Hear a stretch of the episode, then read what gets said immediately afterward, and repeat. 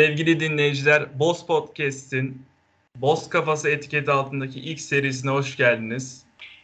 Eğitim serimizde e, farklı üniversitelerden ve farklı bölümden öğrenciler ve mezunları konuk edeceğiz.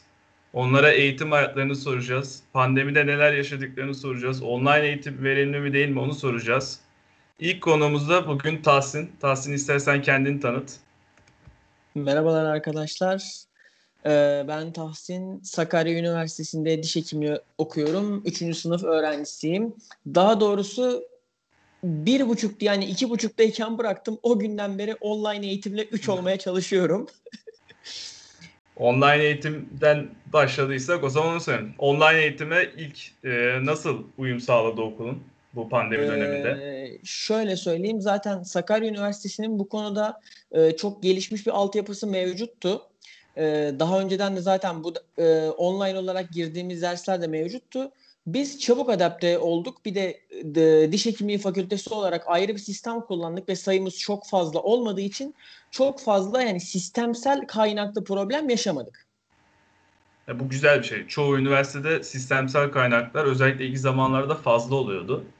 Yani evet. onu da onu da arkadaşlarımızdan duyuyoruz. Çok fazla köklü üniversitenin İTÜ'nün olsun, e, Yıldız Tekniğin olsun çoğunda böyle sıkıntılar oluşmuş. Evet.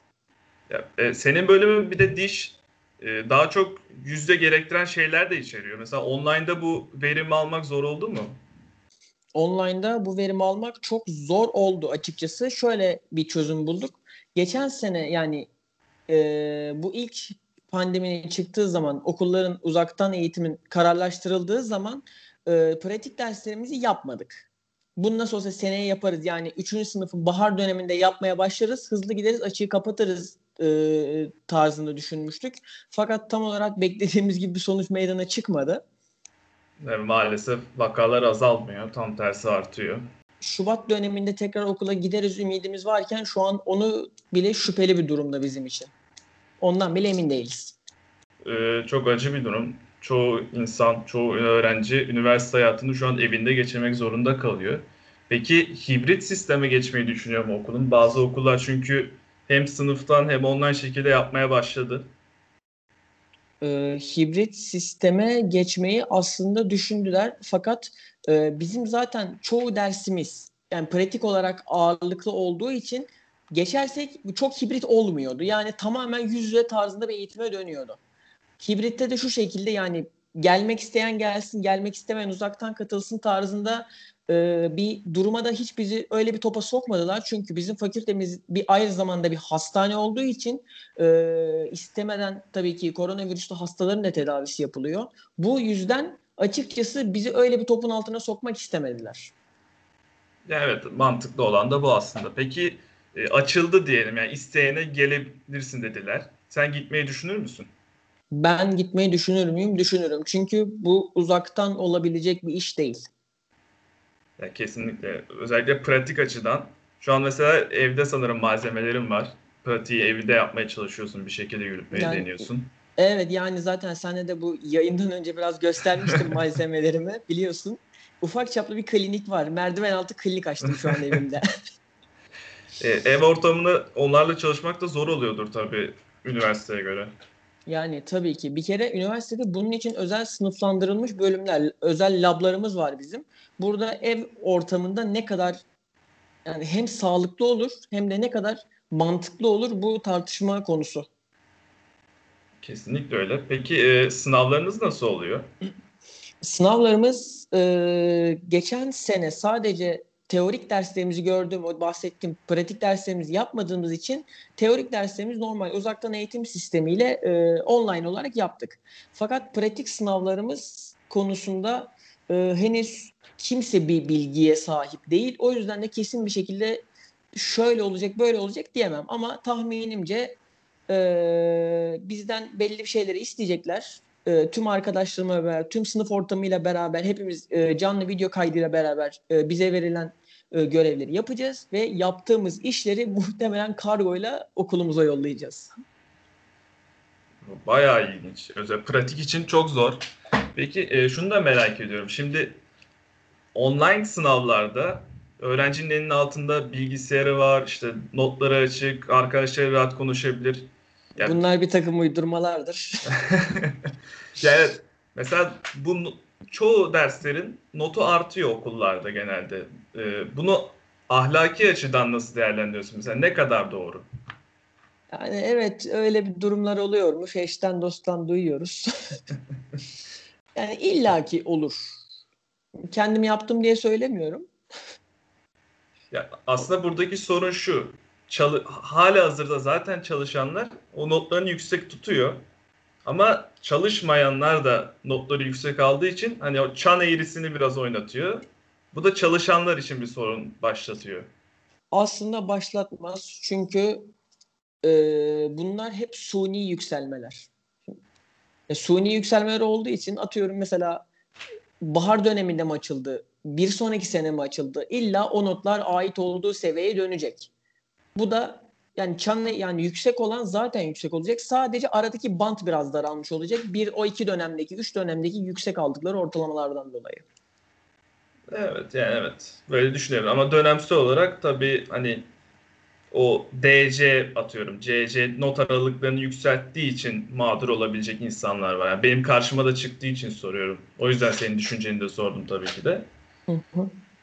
Ee, peki senin bölümünü tercih etmek isteyenlere, düşünenlere bu bölümü neden tercih ettiğini ya da onların neler beklediğinden biraz bahsedebilir misin?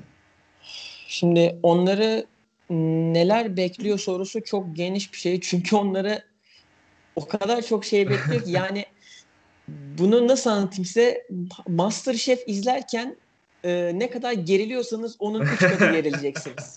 Oradaki yani tam olarak hani hatırlarsın bir e, bir oradaki bir yarışmacılardan birinin azarlandığı bir sahne vardı. Çok evet, e, evet. şey on popüler olmuştu. O sahneyi haftanın her günü yaşayacaksınız.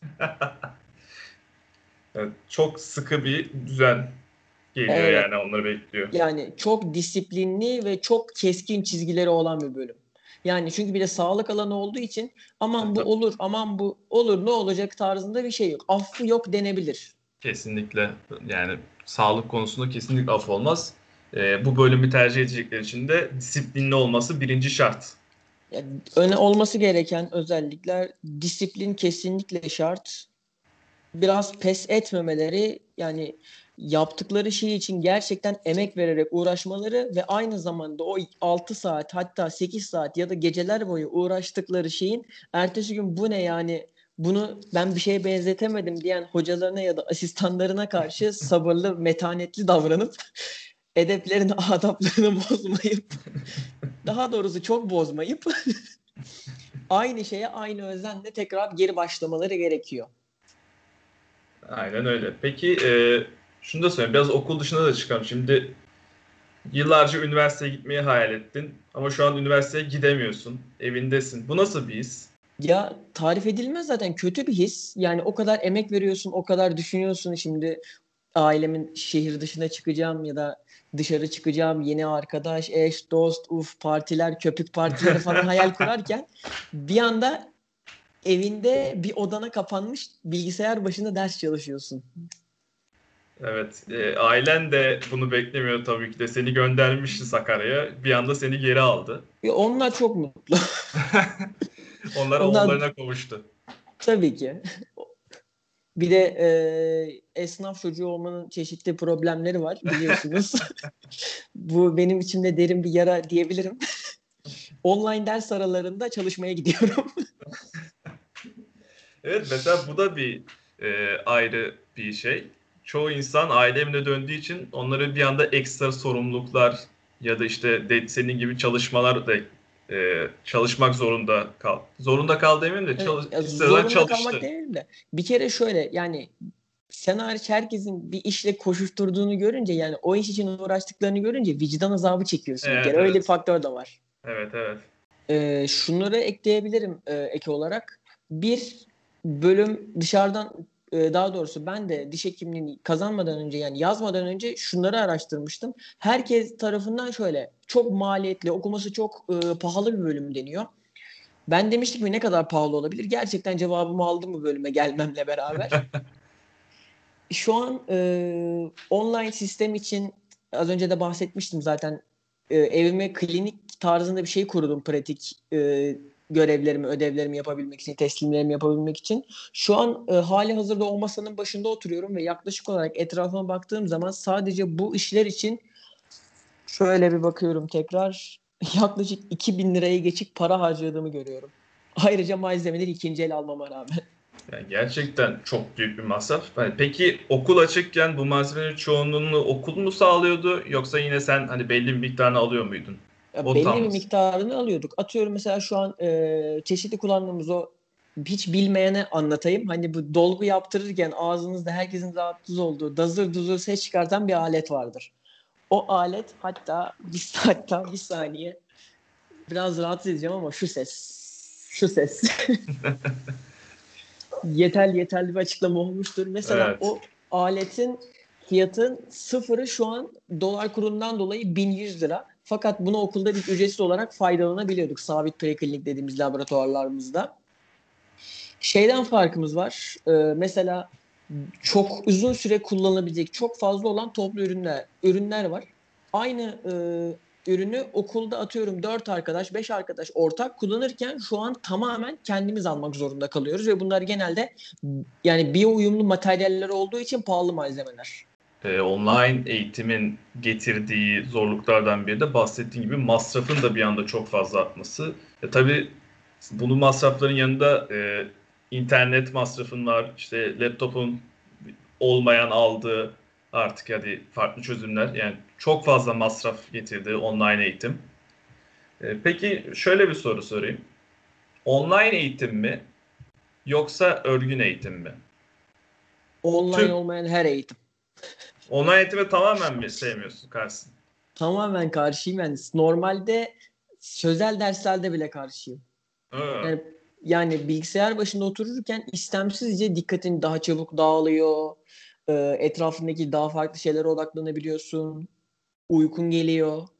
En azından şöyle söyleyeyim. Örgün eğitimde sınıfta olsan bile en azından karşındakine bir saygıdan dik durmaya çalışıyorsun. Evet. Evet. bilgisayar başında uyusan ne, uyumasan ne. Öyle farklar da var. Evet. Ya bir de bilgisayar başında durmak da uzun saatler boyunca çok zor bir iş gerçekten.